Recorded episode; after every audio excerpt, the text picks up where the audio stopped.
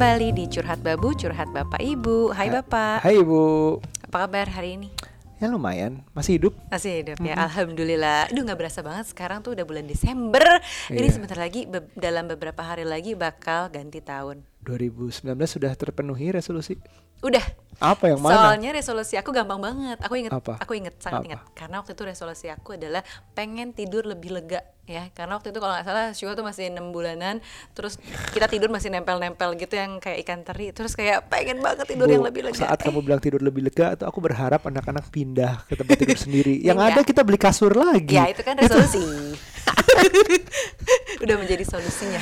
ya deh, pokoknya ibu itu terserah deh. Ibu itu luar biasa. Kadang-kadang bener terus, boleh dibilang itu wah solutif. Solutif. eh, selain karena sekarang udah mendekati akhir tahun, tapi bulan Desember tuh selalu spesial. Mm-mm. Karena aku sebenarnya mengharapkan dikasih bunga gitu loh. Oh gitu. Karena ada hari yang spesial, bukan karena aku ulang tahun sih. Oh gitu. Heeh, Ini jadi Oke. bukan kode lagi, ya, tapi aku to the point. Aku pengen Oke. kamu kasih bunga, tapi bunga yang bagus Tapi ya. ibu ibumu bilang bunga bang aja. Padahal kan kecil ya bunga bang ya. bunganya doang kan, kamu nggak butuh tabunganku. Salah berarti selama ini ya Iya orang-orang itu. iya.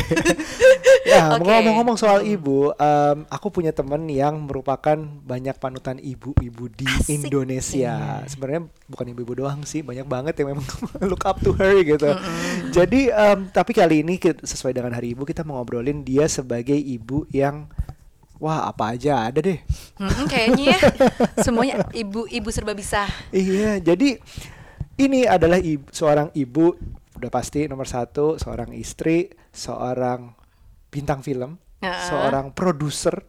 So- Mompreneur juga. mompreneur juga Hmm. punya beberapa usaha, seorang uh, punya foundation juga, Eh, kok semuanya sih? filantropis berarti. Aku aja kayak cuma dua deh dari situ.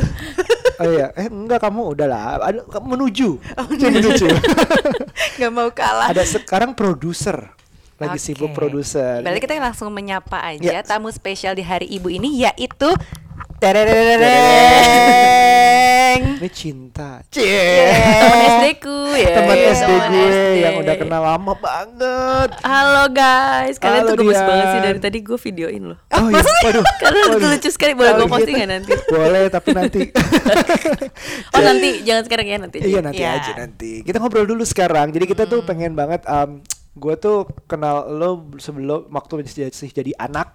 Sampai sekarang udah ibu. Tiba-tiba kan kita skip kan puluhan tahun Iya, kan. skip, Iya. loncat nih. Lo udah punya anak Loncat. langsung tiba-tiba dua gitu. Iya, Jadi um, kita jabarin deh ada yang gue sebutin tadi kegiatannya benar semua nggak? Apa ada yang belum disebutin? Hmm, apa ya kayaknya bener sih. uh, uh, Ada yang kurang memang nggak sih mbak? apa? Kayaknya ada yang kurang nggak sih Apa dari ya? tadi semua title itu? Gue juga gak tahu sih. Mungkin kayaknya udah deh. Tapi, Oh cuma ada ada peduli plastiknya juga.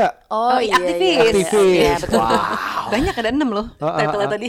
Terus terus. Tuh, tapi ini gue harus kasih disclaimer kalau misalnya ada orang dengan role yang banyak seperti itu tuh nggak berarti setiap hari tuh lo kayak menjalanin semua role-nya itu bersamaan loh. Jadi Iya, memang kita taking turns gitu Iya. loh. Kayak hari ini gue lagi ngejalanin yang mana dulu ya gitu-gitu. Time Kayak hari ini management lah ya. Heeh, bener bener time management. Kayak misalnya hari ini nih gue lagi nggak syuting, jadi jadi aktornya lagi break dulu hari ini, hari ini producing eh, sama jadi jadi ibu lagi cuti juga karena anaknya lagi dibawa sama bapaknya. iya iya iya iya. Justru satu cu- cuti jadi ibu kegiatan lain banyak yang bisa masuk nih. Iya. iya. Tapi em, gini, jadi ibu tuh ya aku nggak nggak akan pernah tahu ya. Tapi Iya. kamu mungkin bisa gue ngeliat dari Nuca. Jadi maksudnya em, dia tuh sempat sebelum sebelum punya anak dia pengen katanya sekolah sampai S3. S3. Terus, Aduh, cita-cita kita semua Tuh banget ya kan. kan. tapi buat apa sih Kayaknya aku sekolah the S3? next gen sastro deh Kayaknya bab. memang ya? belajar tuh candu loh. Iya kan, candu ya. Ya, tapi kan nggak harus di lembaga ya nggak? Iya. Tapi kadang ada juga yang suka sama Iya. konsep terstrukturnya lembaga itu kan. Nah, ini benar. Virgo yang satu ini Iya, nih. kita suka suka sesuatu yang sistematik gitu kan. Nah, Mbak Dian ini Dan yang ada tiket lulusnya aja. Iya. Kalau nggak uncontinuous ya iya sih memang bagusnya gitu cuma Iya, iya, enak iya. aja gitu loh. enak aja gitu. Nah, kalau misalnya Mbak Dian sendiri, kalau sebelum menjadi ibu, eh, apa sih yang dirasain atau apa sih cita-cita atau apa yang membedakan Mbak Dian sebelum menjadi ibu atau berkeluarga sama dengan sekarang? Kalau misalnya aku nih contohnya aja, dulu aku ambisius banget ya itu pengen salah satunya pengen sekolah S3. PS3, tapi begitu nikah ya kayaknya nggak bisa ya. Jadi ya bukan Atau bisa sih. belum belum bisa. belum bisa belum Disclaimer bisa. ya, gue gak ngelarang loh. Walaupun. Terus kamu juga ber- um, ada tuh akhirnya ada anak segala macam, waktu, capek, pikiran. Terus dia juga pernah ada punya pengen punya gaji sekian gitu. Kalau Mbak Dian kayak gimana sih aku ngerasain banget sih. Jadi dulu pas lagi masih single cita-cita gue tuh ambisiusnya tuh yang kayak cutthroat ambition gitu loh. Gue percaya banget bahwa sebenarnya yang membatasi diri kita itu kan sebenarnya rata-rata kan our own perception of ourselves Iya. gitu. Dan di saat gue masih single gue tuh suka banget challenging diri gue bisa sampai sejauh apa sih gue kalau emang perkat eh, apa namanya kalau memang peribahasa itu tadi benar eh, kira-kira kalau gue gila-gilain gue bermimpi setinggi langit setinggi langit akan jadi nyampe mana sih gue gitu. Oke. jadi itu menarik gitu. Jadi kayak eksperimen juga dan eh, dan gue kayak challenging diri gue sebenarnya nyampe gak sih eh, cita-cita gue semuanya. Dan emang bener gue bercita-cita tuh banyak banget. Pengen sekolah di luar negeri dan di Ivy League lagi pengennya. Iya. terus yang pengen em, kerja di perusahaan ideal yang eh, perusahaan impian yang Iya. susah banget masuknya Itu yang pernah juga waktu itu ya di salah satu HR firm salah ya. satu HR firm iya cuma Ah, terus ah, terang perusahaan impian gue bukan yang itu ada Bukan satu itu, ada lagi, lagi. gitu Oh, gitu. Yang Wah. lebih persis lagi Oh, gitu oke. Terus dan, terus dan dan dan gue bermimpi gue tuh akan menjadi wanita karir yang mungkin akan telat kawin yang akan uh, mungkin sampai tinggi tinggi banget jabatannya di kantor dan di karir dan um, mungkin gue sempat mikir gue gak akan ke film lagi pokoknya gitu-gitu deh gitu loh Oke. Terus eh, ternyata pada saat udah kawin dan udah punya anak, em, bukan berarti gue nggak pengen lagi ya. Gue masih melihat itu semua keren dan sesuatu di bagian dari diri gue tuh masih tetap pengen. Cuma mungkin perwujudannya, manifestasinya tuh jadi agak shifting gitu loh. Oke. Jadi agak bergeser kayak misalnya em, gue melihat kalau kayak ada gini-gininya loh yuk. Cak, jadi misalnya gini, gue kan kayak masih ada kayak eh bahasanya tuh kayak mengkel gitu ya kayak ih kok gue belum terwujud sih nih yang gue pengen sekolah di luar negeri Iya, ha, ha. terus dan sekarang gue udah bisa kayak gini ngambil hikmahnya mungkin gak sih jangan-jangan gue tuh memang belum jalannya dikasih kemampuan atau kesempatan untuk bisa sekolah di luar negeri dengan hak satu dan lain hal tapi dengan itulah gue tiba-tiba malah jadi bisa bikin ngembangin beasiswa. Oh. gitu beasiswa yayasan Dian. Iya, jadi jangan-jangan emang itu hikmahnya gitu loh jangan-jangan emang gue eh, tugasnya tuh di sini ngebantuin banyak Iya. orang dulu Iya. untuk bisa Betul. baru nanti mikirin diri gue sendiri gitu loh kalau dulu kalau dulu gue single gue mungkin cuma mikirin diri gue sendiri sekarang tuh gue jadi punya kedewasaan bahwa eh anak-anak yang pengen sekolah tuh nggak cuma lo doang bahkan jauh Iya. lebih banyak lagi jauh lebih banyak orang yang lebih urgent lagi perlu bantuan bantuan itu gitu loh dan gue malah dikasih kesempatan untuk ngelihat itu yang mungkin pas gue single gue nggak bisa ngeliat Apa itu. yang ngubahnya lo gitu? Tiba-tiba pengen um, wah udah sadar nih tempat gue kayaknya adalah membisahkan men- orang lain gitu. Betul. Apa momennya di saat apakah saat punya anak pertama atau Hmm, terus terang sih eh, bukan pas punya anak ya cuma gue sampai punya anak kedua sebenarnya masih ngerasa gue masih perlu berangkat nih Oh, masih kayak gitu ya, sampai sekarang oke. pun gue masih gue sebenarnya masih masih bilang sama suami gue one day I will I will go there gitu dan Oh. dan suami gue juga benar nggak pernah ngelarang juga dan Iya. dia tahu banget tahu banget berkali-kali gue Ah. tekankan gue pengen sekolah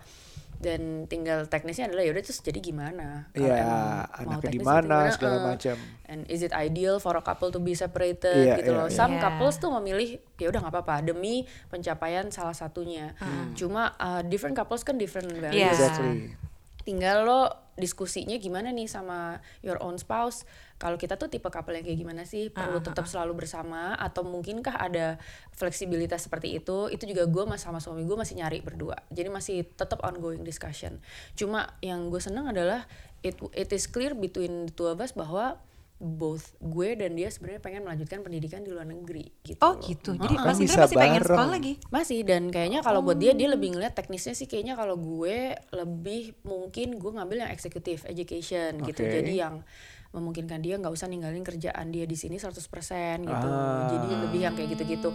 Kalau gue lagi mikir hmm, mungkin nggak ya ada online atau atau mungkin courses dulu Jadi di sana berapa bulan doang gitu, sisanya online. sertifikasi gitu-gitu atau mungkin nggak sih kalau gue emang pengen banget yang full time yang S3 tuh kadang-kadang dokter tuh pengen adanya full time. Karena kan gue udah S2 should I take another S2 or should I pursue S3 kalau memang mau ideal kan yang full time tuh. Iya full time. Kalau full time apakah mungkin nggak sih ini feasible gue laksanakan pada saat anak pertama gue S1 misalnya? Jadi sambil Wow. gue chaperoning mereka. Wow. hmm, Sekolah menarik kan? anak. sekalian Mandarin, Iya, sekalian ya. Tapi Bunda juga I have my own thing, jadi I won't be hovering gitu loh. Iya, Jadi iya. gue bisa create a safe environment for the whole family to grow and learn together gitu. Wow, menarik banget. Selain sekolah, ada lagi nggak sih Mbak yang misalnya cita-cita atau keinginan yang ketunda, ketunda. atau Ini nggak jadi kekubur ini, gitu. Ini sorry gue agak lepas ya, gue Ah, pengen share juga dan ini menarik banget kayaknya buat teman-teman tahu, apalagi buat ibu-ibu atau bapak-bapak yang sebenarnya masih punya impian mau uh, continuing education gitu ya. Gue sempat consult hal ini ke Ibu Sri Mulyani kalau dulu pernah Oh, lihat oke. postingan gue, gue ke kantor Ibu Sri terus gue nanya, yang salah satu hal yang terbesar yang gue consult ke dia adalah Bu, how did you manage untuk continue your education pada saat lo udah berkeluarga gitu. Oke. Dan Oh, dia Ibu S3 di luar eh Eh, S3 kalau nggak juga. salah S2 apa S3 pokoknya doktorat gitu kalau nggak salah dan Oh, dia cerita gitu dia cerita perjalanan dia dan suami dia dan dan gue senang karena gue dapat kayak insight a personal life from jadi point of view dia tapi bukan tentang negara bukan tentang policy tapi lebih Personal. Personal. personal jadi dia as a wife dia as a mom, Oke. gitu dan how she balance between the two and ya terjadi kan gitu dan uh, dia bilang itu tadi dia bilang dia yang bikin gue ngerti bahwa you need to figure it out sama your own spouse kalian tuh bentuk couple yang seperti apa kalau keluarga kami akhirnya nemuin bahwa awalnya kita mikir kita selalu harus bersama jadi kalau salah S2 tuh suaminya yang ngikut dia Hmm. Terus akhirnya suaminya juga kalau salah S2 juga gitu. Correct me if I'm wrong, gue juga harus cek lagi. Cuma yang pas S3 kalau nggak salah dia akhirnya eh, setuju Bisa. untuk eh, suaminya di Jakarta dulu ngurus anak-anak, dia eh, keluar. keluar. Setahun dua tahun gitu ya. Tiga apa kalau Oh tiga salah. tahun, oke. Cuma somehow it's doable karena mereka udah nemuin formulanya gitu loh. Nah itu nggak bisa berlaku ke semua keluarga. Tetap keluarga kita kan harus kita Iya. definisikan bareng-bareng. Yang bentuk kayak apa nih kita gitu. Iya, Take and give-nya iya, iya. gimana. Terus kalau misalnya cita-cita tadi ada Mbak Dian kan pengen kerja di HR company yang Di multinational company um, gede eh, gitu. bukan di Ah. bukan di Bukan HR company sih tapi Oh. gue sebenarnya pengennya consulting waktu itu consulting. Consulting. management Oke. consulting ya, uh. Nah, itu kan belum tercapai tuh. Ada satu tuh yang kalau sekarang itu udah gak terlalu pengen lagi oh itu udah nggak pengen karena, karena gini dulu kayaknya pas kalau gue lihat-lihat kan kadang-kadang our wants and our dreams tuh kita tulis berulang-ulang. Dan kadang-kadang ada beberapa cita-cita yang keluar terus secara konsisten throughout the year kalau gue tuh yang pendidikan Um, so then I I learn more about myself. Tapi ada juga yang cita-cita yang lama-lama nggak keluar lagi. Seperti misalnya yang si kerjaan itu. Hmm, ternyata kalau dalam hal karir gue sudah mulai melihat shifting lagi nih. Gue mulai melihat bahwa oh ternyata gue masih tetap bisa berkarya dan manifestasiin uh, intelektual intelektualitas gue dalam bentuk karya yang bisa nggak cuma lewat masuk ke dalam satu perusahaan yang paling susah dimasukin. Oke. gue melihat dengan gue misalnya masuk ke film dan producing my film uh, gue bahkan bisa berkarya yang lebih uh, bebas lagi dan bahkan sama aja gitu loh. Intinya kan sebenarnya yang gue tanya adalah emang lo pengen kerja tuh apa sih yang lo pengen? Lo pengen dap lo pengen dapet apa ya a rewarding experience Yeah. about your own intellectuality. You want to experience how how berguna your intellectuality untuk masyarakat kan Yeah. Oke. berarti kan itu bisa dimanifestasikan nggak cuma dengan joining the best company that you know cuma mungkin jangan lo bisa start up your own company something as entrepreneurial as that gitu loh jadi Iya, iya, iya. mungkin by doing movies uh, producing Iya. you're actually doing something like that gitu loh hmm, Exactly. bener-bener, Karena aku bilang education tuh gak harus di suatu lembaga Iya, iya. edukasi. Dia takut ditinggal aja nantinya. gue masih kalau menjawab lo yang tadi harus diskusikan sama couple ya gue masih dalam tahap gue nggak bisa nih long distance saat ini ya Betul, betul, betul. kita adalah produk gagal long distance masing-masing Akhirnya kita bertemu. akhirnya bertemu tapi mungkin as couples evolve mungkin nantinya you never know you never know gitu. iya. mungkin with ber- ber- dengan kedewasaan yang berbeda mungkin jadi lebih beda lagi dan One of the best education juga adalah bagi gue adalah punya anak. Justru itu kayak edukasi yang lumayan banget gitu. Gue nggak pernah lebih merasakan. ke spirit dan mental gitu Iya, merasakan sabar, Punya- merasakan- uh-uh, kayak punya nilai kesabaran yang lo nggak pernah dapat dari mungkin ek- eh, apa akademik kayak kita Iya, nggak iya, dapat iya, kan iya. Tell me more about your kids. Iya. Eh, tentang my kids gue belajar bahwa ternyata it's not al- always about us as parents gitu. Pas di anak kedua gue tuh di early years 1 sampai 5 sama early yearsnya gue anak ke pertama, tuh Pertama, beda. beda. Anak pertama gue tuh ngerasa gue kayak a lot of that ambition that I have for myself tuh banyak yang gue aplikasikan ke anak gue yang pertama. Jadi banyak banget kayak gue eh, tiba-tiba nge-flashcard dia dengan Glendoman yang bener-bener Iya, iya. I, I don't see Iya, anything wrong with iya, that. iya, well, iya, iya, it's iya. itu kayak giving your kid a jump start in terms of uh, akademik ya. Jadi Iya. dia bisa baca, bisa tulis photographic memory which is fantastic. Cuma that's that was all I can see waktu itu. Gue pikir yang penting adalah Hmm. itu. Sementara yang menarik adalah ternyata di, di ini in contrast tuh anak kedua yang nggak gue push sama sekali dia mungkin mm, jadi secara paut dia itu eh, nggak gue push untuk baca tulis cepet tapi justru yang menarik adalah yang berkembang di anak gue yang kedua justru kayak social interactionnya Oh. keinginan untuk main sama anak lain tuh jauh lebih sociable dibanding anak gue yang pertama I have to Oke. disclaim juga bahwa anak pertama gue juga punya development development iya. problems. Ada he's in the spectrum katanya. Lower Uh, spectrum ya? Very very low. Cuma ada gitu. Iya, Jadi iya. dipanggil nggak nengok. Jadi keinginan untuk berinteraksi secara sosial dia tuh lumayan jauh lebih rendah dibanding anak yang kedua. Iya. Dan gue nggak tahu apakah itu ada pengaruh dengan gue mulai menstimulasi dia punya otak dengan all those flashcards atau Iya. gimana Iya, sehingga iya, dia iya. lebih suka sama math sama everything yang aktivitasnya itu sendiri gitu loh. Um, Oke. gue nggak tahu tuh apakah justru kebetulan apa jadi malah teremphasize lagi gue nggak tahu. So, Dari umur berapa sih emang Mbak Dian ngasih flashcard itu? dari umur dua minggu. Oke. Wow. kita umur berapa waktu itu sih? Eh, Aira? empat bulan Empat starting. bulan. Oke oke. Tapi juga nggak rajin ya. Iya, tapi nggak rajin gitu. Aduh, itu kan harus rajin banget Gue ya. yang pertama tuh rajin banget makanya jadi banget.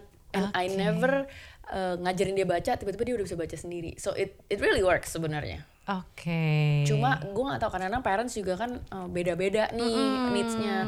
Akhirnya dengan pengalaman dua anak ini gue punya kesimpulan baru sih bahwa uh, tetap uh, apa ya pelajaran akademis itu sebenarnya bisa dikejar dan sebenarnya penting banget gue ngeliat pendidikan PAUD itu adalah itu uh, imajinasi, role play, playing, main Iya. tuh penting loh. Main bersosial segala macam nyoba-nyoba nyanyi. Bahkan ke sekolah cuma belajar nyanyi-nyanyi doang, lari-lari doang itu Iya, udah iya, belajar. Iya, iya, iya. Dan Sya- eh, anak pertama, anak kedua itu mulai sekolah pautnya dari umur berapa, Mbak Dian? Kalau gue lumayan ambisius ya, gue anak pertama gue enam bulan udah gue sekolahin. Oh, Oke, sama baby dong. gym gitu Baby ya. gym. Baby gym sama, Hmm, gue sosialisasi. anak pertama tuh emang kayaknya ambisinya protege. Iya benar. Anak, kedua lebih santai. Anak, Anak kedua lebih santai. Tapi anak kedua iya. gue juga mulai dari jam umur 6 bulan sih. Cuma gue senengnya pas anak pertama gue start early di sekolah, gue juga jadi kayak kan I was a first time parent nih. Jadi gue nggak punya komparasi kan, mana sih yang Bener. ideal, mana sih yang Iya, benar. iya, iya. Pas gue bawa ke sekolah, gue jadi bisa ngelihat perkembangannya anak-anak lain sama perkembangannya anak gue dan di situ jadi checklist gue, ih kok an- anak lain udah bisa fokus, anak gue belum ya, gitu loh. Hmm, tapi jadi eh, suka bikin down gak sih kayak gitu? Tapi it was a good uh, whistleblower for me. Wah. Jadi gini, gue juga lumayan bersyukur banget gue bisa menanggulangi masalah development problem anak gue dan spektrum autisme anak gue dengan memberikan early intervention yang cukup early dibandingkan orang-orang lain yang gue kenal. Hmm, Dan early Right. intervention itu baru bisa terkenali kalau gue masukin anak gue di sekolah. Betul. Jadi gitu. Jadi kelihatan oke. bahwa anak lain tuh dipanggil udah nengok, anak gue enggak. Ternyata oh it's not normal deng gitu loh yang gue Iya. pikir normal Oke, normal oke, oke. aja. Ini kita juga pernah dibilangin bahwa sebaiknya anak berinteraksi lebih dari tiga orang di rumahnya. Misalnya minimal anak pertama apalagi ada bapak, ibu dan ya at least ada neneknya lah atau ada kakeknya atau ada Atau ada mbak pengasuh. atau ada pengasuh ada apa. Baru begitu tahapnya adalah tapi sayangnya biasanya di rumah itu nggak ada yang seumuran kan. Kalau apalagi anak pertama, makanya perlu ada ke PAUD lah ke uh, playgroup atau apa pun itu kumpul-kumpul. Baby gym kayak apa, Iya, playdate Iya. sama teman-teman ibunya atau gimana gitu. So far sih aku masih ngelihat eh, positifnya ya ketimbang Hmm, negatif negatifnya paling ya ini aja Extra cost. extra cost aja lebih lebih awal gitu kan Iya, soalnya tapi disesuaikan lah. Gue tuh sempat agak miris karena waktu kemarin kan beberapa waktu lalu gue sempat open up about anak gue tuh di dalam spektrum. Ya. Iya. Dan uh, banyak uh, follower Instagram media, uh, yang banyak DM gue tentang gimana nih minta minta minta uh, Saran. saran gitu. Tapi ada yang satu gimana oh, anaknya umur berapa? Umur lima tahun. Terus Mm. udah ada intervensi apa? Belum ada. Jadi ini orang di daerah juga ya. Oke. Terus ada satu lagi dia itu gimana? Udah masuk sekolah belum? Saya suka malu mbak. Saya nggak sekolahin karena memang masih uh, severe kayaknya dia autismnya. Oh. oke tapi kalau lo malu lo juga kayak nggak mengadres uh, masalahnya kan karena tidak Iya. diintervensi apa apa dan kalau dia nggak disekolahin lo makin telat juga menyadari bahwa anak lo sebenarnya punya development problem. Karena lo nggak punya komparasi kan.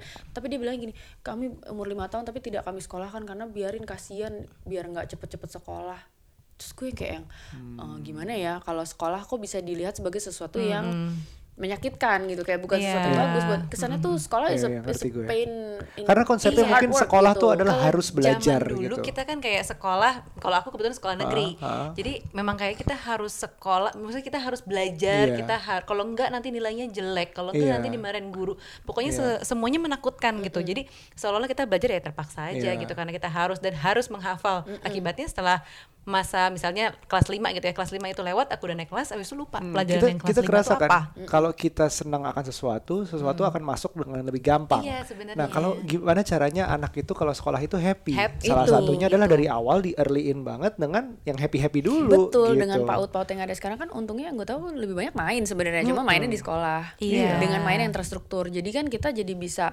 malah trying to introduce konsep sekolah ke anak bahwa sekolah itu fun thing to do sebenarnya Benar. karena banyak ini sih salah kaprahnya kenapa sekolah early ngapain sih anaknya disekolahin duluan kasihan belum siap bla bla bla Iya. karena seolah sekolah itu kan kita anak-anak kita nih masih kecil-kecil harus duduk ngeliatin guru terus belajar Nah. baca menghafal gitu kali ya jadi makanya dia belum lihat sekolah banyak- yang early early itu Belum ngapain sebenarnya Nah, Itu padahal sih tuh sama main. mertua gue juga ditanyain, aduh kasihan banget bayi-bayi masih sekolah tapi mama mau nggak nganterin sekolah sekolahnya juga masih sama bapak ibunya kan masih Ah, masuk ke masih sekolah Iya, bareng betul, kan? betul.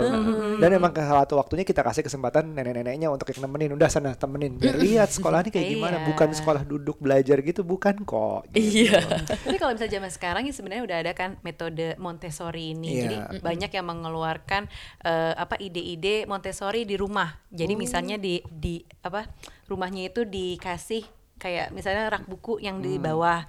Terus misalnya kayak eh, WC yang lebih pendek yang WC anak-anak gitu. Jadi m- memberikan mereka itu anak-anak ini kesempatan biar lebih mandiri. Karena emang udah didukung nih Iya, iya, gitu iya. kan. Environment-nya environment-nya ah, gitu. Kalau sekarang sih kayak gitu. Kalau mungkin yang dulu-dulu sih nggak kayak gitu ya kita Iya, zaman iya. kita kecil kayaknya enggak ya everything is Iya, giant iya. ya ya well, um, ya gue sih um, menghargai ya. Jadi maksudnya ibu um, hari ibu ini jadi penting sih menurutku untuk melihat bahwa ibu itu ya cukup nggak harus kayak membunuh saat ini seperti dia membunuh impiannya, membunuh cita-citanya untuk menjadi ibu. Jadi kayak kalau udah jadi ibu tuh 100% tuh waktu full buat anak. Buat diri nggak ada, buat suami nggak ada, apalagi buat diri yang untuk mimpi-mimpi kerjaan. Udah nggak usah lah gitu. Jadi harusnya jadi ibu tuh masih memikirkan hal itu nggak apa-apa. Iya.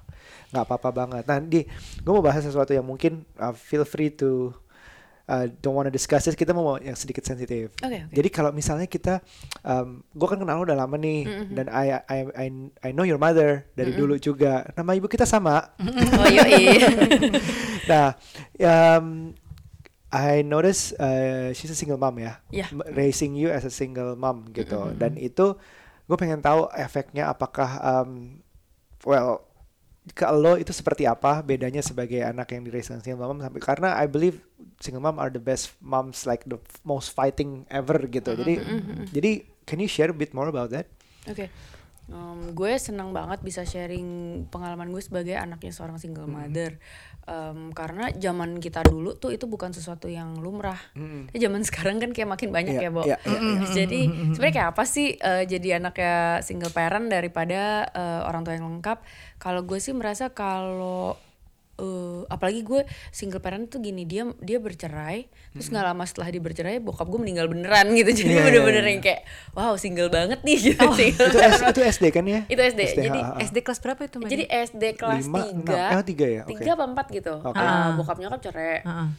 tapi I was really cool about it karena bokap masih around dan dia masih kadang-kadang Iya, datang ke sekolah jemput Oh. gantian Co-parenting lah ya, co-parenting. co-parenting. Dan dia kadang-kadang masih kadang-kadang nginep di rumah. Pokoknya laid back banget deh. Mereka juga Oke. hubungannya masih baik. Em, apa ya masih suka seharian kerjaan nonton TV di rumahnya nyokap gue. Jadi yang bener-bener gue ngerasa kayak kayak masih lengkap aja. Sama aja dia cerai nggak cerai juga. Iya, dia masih di rumah juga Iya. gitu.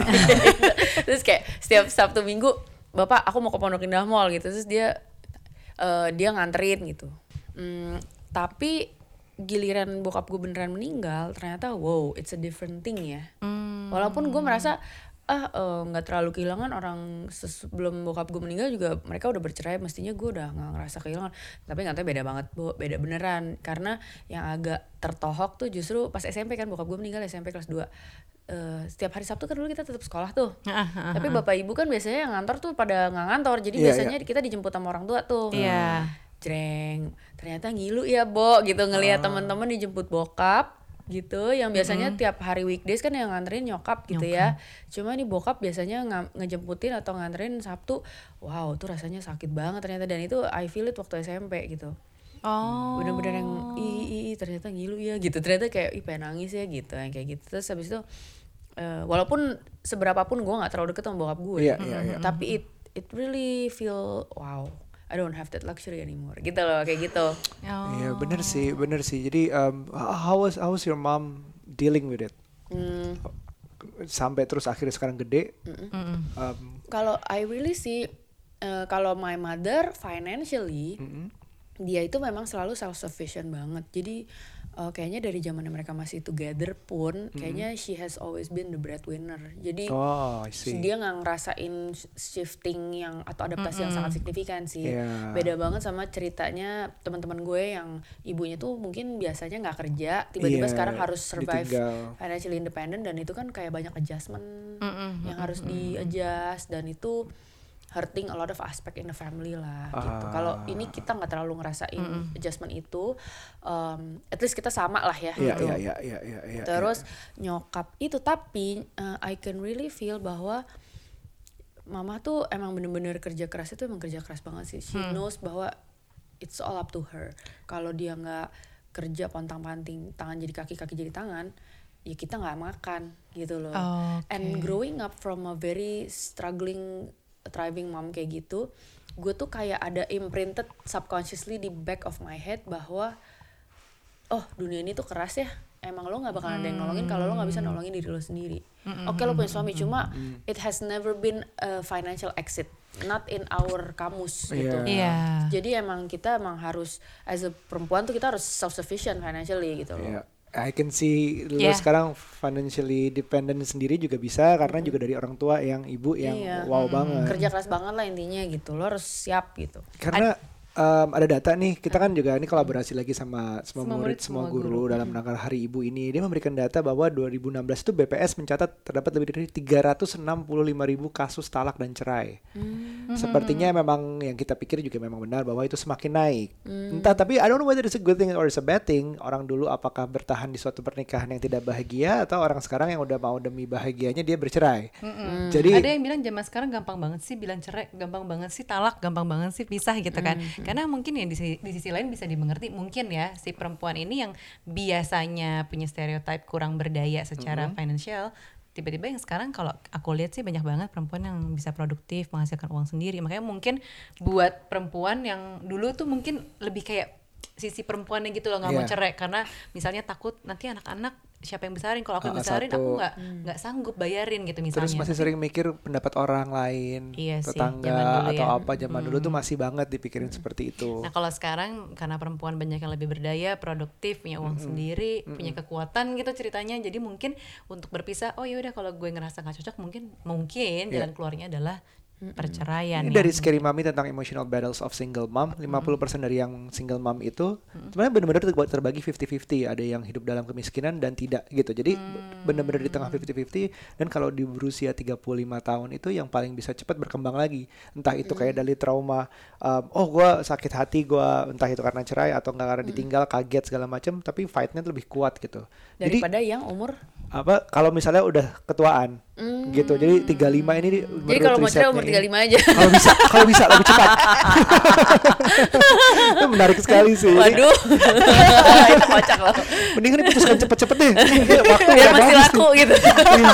jadi ada biological clock untuk melahirkan sama untuk wah itu pecah banget. Itu meme meme, meme material. Iya jadi kalau gue gue apa gue ngelihatnya um, overall sih woman itu is a, is a strong is a strong figure ya. Kalau kalau gue lihat uh, dia itu contoh single mom sampai seorang ibu sekarang itu aja sekarang gue lihat semua ibu tuh udah punya something else selain jadi ibu dan sua dan istri. Udah pasti ada entah itu mau en- entrepreneur entah itu mau um, freelance entah itu apa pun gak ada cuman ibu yang kayaknya akhir-akhir ini makin naik deh yang cuman ibu tok gitu. Iya sih. Kalau Mbak Dian gimana menilainya kalau ngeliat ibu-ibu zaman sekarang? Nih kan sekarang milenial. Eh, gimana Mbak Dian ngelihat ibu-ibu yang ada sekarang? gue to be honest gue selalu akan selalu lebih suka melihat bahwa perempuan itu punya independen sece- eh, punya kemerdekaan dan kemandirian dalam hal finansial. Jadi mereka punya penghasilan sendiri mereka punya pekerjaan sendiri apa pun itu berwirausaha ataupun berkarir. Em, gue suka itu. Tapi terlebih apabila dikaitkan dengan tingginya mungkin makin naiknya eh, angka perceraian gue nggak mau gue nggak mau cepet-cepet beranggapan bahwa kesannya em, karena perempuan boleh kerja nih perceraian jadi tinggi gitu loh. Iya iya. iya. Ke- karena kan eh, narasinya jadi ke situ. Sementara gue ngeliatnya gini loh. Justru gue suka kalau misalnya perempuan itu udah berdaya duluan sebelum dia masuk ke dalam sebuah pernikahan. Sehingga pada saat dia masuk ke pernikahan itu tuh bukan karena dia perlu financial exit gitu loh. Oke. bukan Karena- perlu jawaban finansial. Pernikahan itu bukan bukan tempat untuk gold digging gitu loh. Iyalah. lu perlu lebih sufficient secara finansial secara ekonomi. Pada saat lo masuk ke perkawinan lo membangun bareng-bareng gitu. Jadi eh, suami itu juga perlu dianggap sebagai manusia yang lo pengenin lo pengen tinggal bareng lo pengen men- lo cintai bukan sebagai kayak cash cow lo Iya, gitu loh. iya, gue tuh iya, suka nggak terlalu suka sama konsep-konsep perempuan yang melihat laki-laki itu sebagai eh, jawaban finansial buat Iya, semua Jangan iya, dong, iya, iya. jangan dong. Lo lo nggak punya duit nikah aja. Aduh itu Aduh enggak gue sih. sebel banget dan itu, Itu enggak sih. zaman dulu banget sih lu tuh habis itu karena per- pertama-tama perempuan bukan komoditas gitu loh mereka tuh adalah manusia Setuju. utuh yang bisa berdaya sendiri nah kalau misalnya perkawinan itu lo masuknya udah dengan mindset yang lebih bagus misalnya I'm I'm I'm choosing you I'm choosing to marry you not because I need your money not because I need you but because I want you Exactly. gue lebih suka sama itu Ya. karena berarti pas lo masuk ke dalam perkawinan tuh karena lo emang sama-sama suka sama-sama cinta gitu loh. Jadi mestinya sih dengan bahan baku itu mestinya sih perkawinannya lebih eh, smooth ya. Karena kan Iya, bekalnya tuh perasaan yang murni Iya, bukan kebutuhan finansial gitu Betul loh betul. sehingga mestinya sih ideally mestinya angka perceraian juga mesti nggak se- setinggi itu Hmm. cuma ting- tinggal gimana caranya si dua manusia ini ngejalaninnya tuh sama-sama ngejaga apa yang mereka punya to begin with gitu loh Laki-laki juga harus diubah mindsetnya menurut gue. Jadi kalau misalnya kalau um, perempuan banyak yang semakin sekolah semakin tinggi, kerjanya makin bagus, gajinya makin gede segala macam, lebih uh, punya posisi di masyarakat zaman sekarang. Kok juga gue juga ngerasa ada beberapa teman cerita dari teman gue bahwa justru laki jadi takut. Ya harusnya ya jangan takut dong. Harusnya lu ya menyamakan atau melebihi terserah. Lu jadi terpacu justru kalau misalnya eh gue Bukan dapat jadi minder gitu bukan ya. jadi minder jadi takut terus harusnya kalau gue ngelihat uh, perempuan yang hebat wah gue mau banget dia gue harus bisa sama dia at least ya gue harus naikin in- intelektual gue apalah segala macam jadi justru bukan kayak menghindar oh gue cari yang di bawahnya aja deh gitu kan dia jadi punya sparring partner ngobrol yang lebih seru lebih seru kan? benar benar Iya, benar benar sih. benar jadi lebih bermutu obrolannya jadi lebih bisa kayak level anaknya juga semakin naik juga kalau bapak Iya. ibunya semakin pinter gitu misalnya gue Iya. pengen sharing deh kalau boleh gue sharing Monggo, ya, Ya, monggo. boleh boleh boleh boleh. gue sama Indra nih punya dynamic uh, relationship yang lumayan udah berjalan sekian lama lah. Kita kita tetap ngeliat kita baru mulai gitu. Kita gue dari pacaran sampai sekarang tuh berarti udah se- udah sembil eh pokoknya gue sekarang 9 tahun perkawinan. Ah. sebelumnya pacaran 2 tahun. Oke. Pas lagi pacaran itu gue belum sempat kerja di kantor. Jadi gue masih artis yang cuma artis doang lu tau gak jadi main-main film main Iya, iya, iklan. iya, there's nothing wrong about that. Cuma yang menarik adalah uh, dynamic relationship gue sama Indra tuh ternyata jauh beda jauh improving sekarang.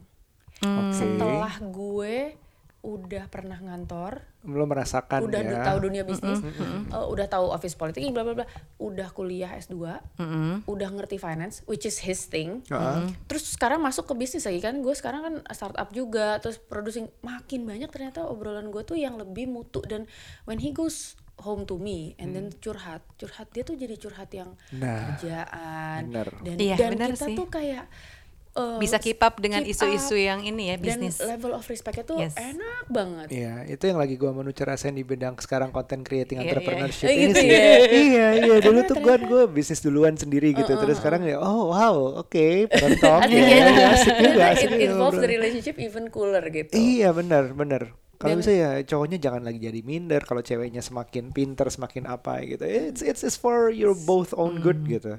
Karena ternyata relationship giliran landasannya udah mutual respect intellectually, Hmm. sa- kayak mutual trust on each others itu, intellectual capacity itu ternyata jadi asik banget dan Hmm, it- it's it's another it's another level of sexy gitu. Iya, betul. Benar. Sih. gue Iya, iya, beda iya, banget iya. sama pas gue pacaran dulu di mana gue tuh kayak cuma trophy girlfriend aja yang cuma dibawa-bawa tapi nggak diajak ngobrol, Ngobrol soal karena nggak ngerti gitu ya. gue juga bosen karena nih orang nggak ngerti film Benar.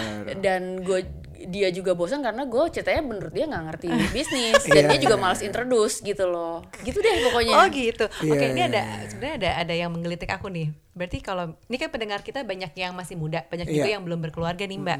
Jadi benar-benar yang entah first jobber atau misalnya anak kuliahan. Eh, dan aku pengen nanya sama Mbak Dian deh, sebenarnya apa sih hal-hal yang harus dipertimbangkan sebelum menikah atau sebelum berkeluarga? Oh, em, beberapa sih. Eh, Yang pasti yang pertama kalau kita perempuan ataupun kalau kita laki-laki kayak kita semua harus eh, merasa lumayan ada di satu level yang lo comfortable di karir. Oke.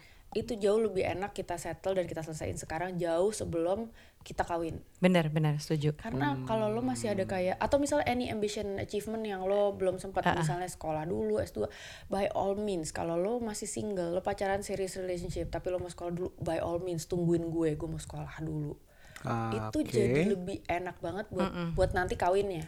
Hmm, karena nggak ada yang mengkel kayak ganjel kayak gue tuh ngerasain itu banget. Dan jadi gue secara subconsciously gue tuh kayak ngebebanin suami gue karena lo ngawinin gue gue jadi nggak jadi sekolah gitu Iya, loh and benar. it's a sort Gitu of ya? Walaupun nggak ngelarang, tapi tetap aja gitu rasanya.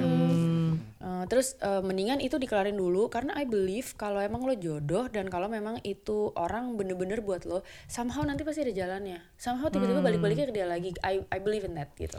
Klasik jodoh nggak ke mana. Benar. jodoh nggak ke mana gitu. Kalau di he's too scared or she's too scared to leave you and to let you be or to set you free uh, achieving your uh, apa gitu achievement ya berarti emang mungkin dia bukan, Bukan yang untuk lo. tepat gitu ada ada alasan untuk semuanya Jadi kata dan kata juga selesai dengan diri sendiri dulu ya, Hmm, itu uh, achievementnya lah, atau sekolahnya lah, atau apanya lah gitu. atau even problem-problem lo sama keluarga ah iya iya. drama-drama lo yang lo belum un- ada unfinished business sama nyokap atau sama kakak Bokap, atau adik iya, lo lo kelarin dulu karena once lo masuk ke akad kan ada acara pengajian tuh atau misalnya sungkeman yang siraman tuh kita Iya. orang Indonesia kan biasanya Iya, sungkem betul. minta maaf sama orang tua kalau bisa itu selesai dulu tuh yang dosa-dosa lo yang lo gak pernah akuin mengkel-mengkel lo itu lo kelarin dulu nangis-nangisan kelar besok pagi lo akad itu dia udah plong entah nyokap lo atau kakak lo atau siapa anggota Iya. keluarga lo nya juga udah plong doain gue ya intinya maafin gue kalau gue udah salah please doain gue biar gue bisa masuk ke ini start a new life tuh lo lo doain gue lo Iya. kasih restu lo gitu loh jadi Hmm. pas masuk itu rasanya tuh beda banget enak banget kalau lo udah dapat everybody's approval and restu Iya, gitu. Restu itu juga penting. Kita juga pernah bahas bahwa kalau restu itu kadang-kadang orang tua tuh nggak bisa menjelaskan kenapa nggak suka sama nih orang atau suka sama nih calon ini. Tapi ujung-ujungnya kok mereka bener ya kadang-kadang ya, gitu ya. gue lumayan gini-gini gue modern banget pro mm, in, in apa ya pro manusia modern em, perempuan modern apa segala macam empowerment. Cuma gue ada banyak tradisional dalam diri gue gue percaya sama yang namanya restu dan doa orang tua. Kayak ada superstitiousnya gitu loh. Iya, Iya. Kalau orang tua nggak setuju tuh ada aja nanti gitu loh. Eh, ah gitu loh. Itu beneran loh. Iya sih, benar-benar. Ini kayaknya bisa nggak kelar-kelar sih, bab aku pengen nanya banyak banget sebenarnya. Nah, Tapi harus disimpan durasi. untuk berikutnya lagi. Nah, iya, iya. Dian, thank you so much, thank you so oh udah much. selesai kita oh Iya, jadi um, Aduh. silakan dilanjutkan dengan segala kesibukannya. Tapi basically kita mau thank you banget sama Dian. Ya, udah terima kasih Mbak. Dian. Yang sibuk ini kita juga thank you sama semua murid semua guru, sebuah akun Instagram yang ngajarin kita bahwa ya semua orang ya murid, semua orang ya guru. Mm-hmm. As simple as that. Lalu kita belajar sama-sama bareng-bareng belajarnya apa pun itu. iya Oke, baik. Gimana tercerahkan the next Dian Sastro? Iya. Iya iya iya iya. Oke. Oke. Eh, sampai ketemu di berikutnya. Bye. Bye.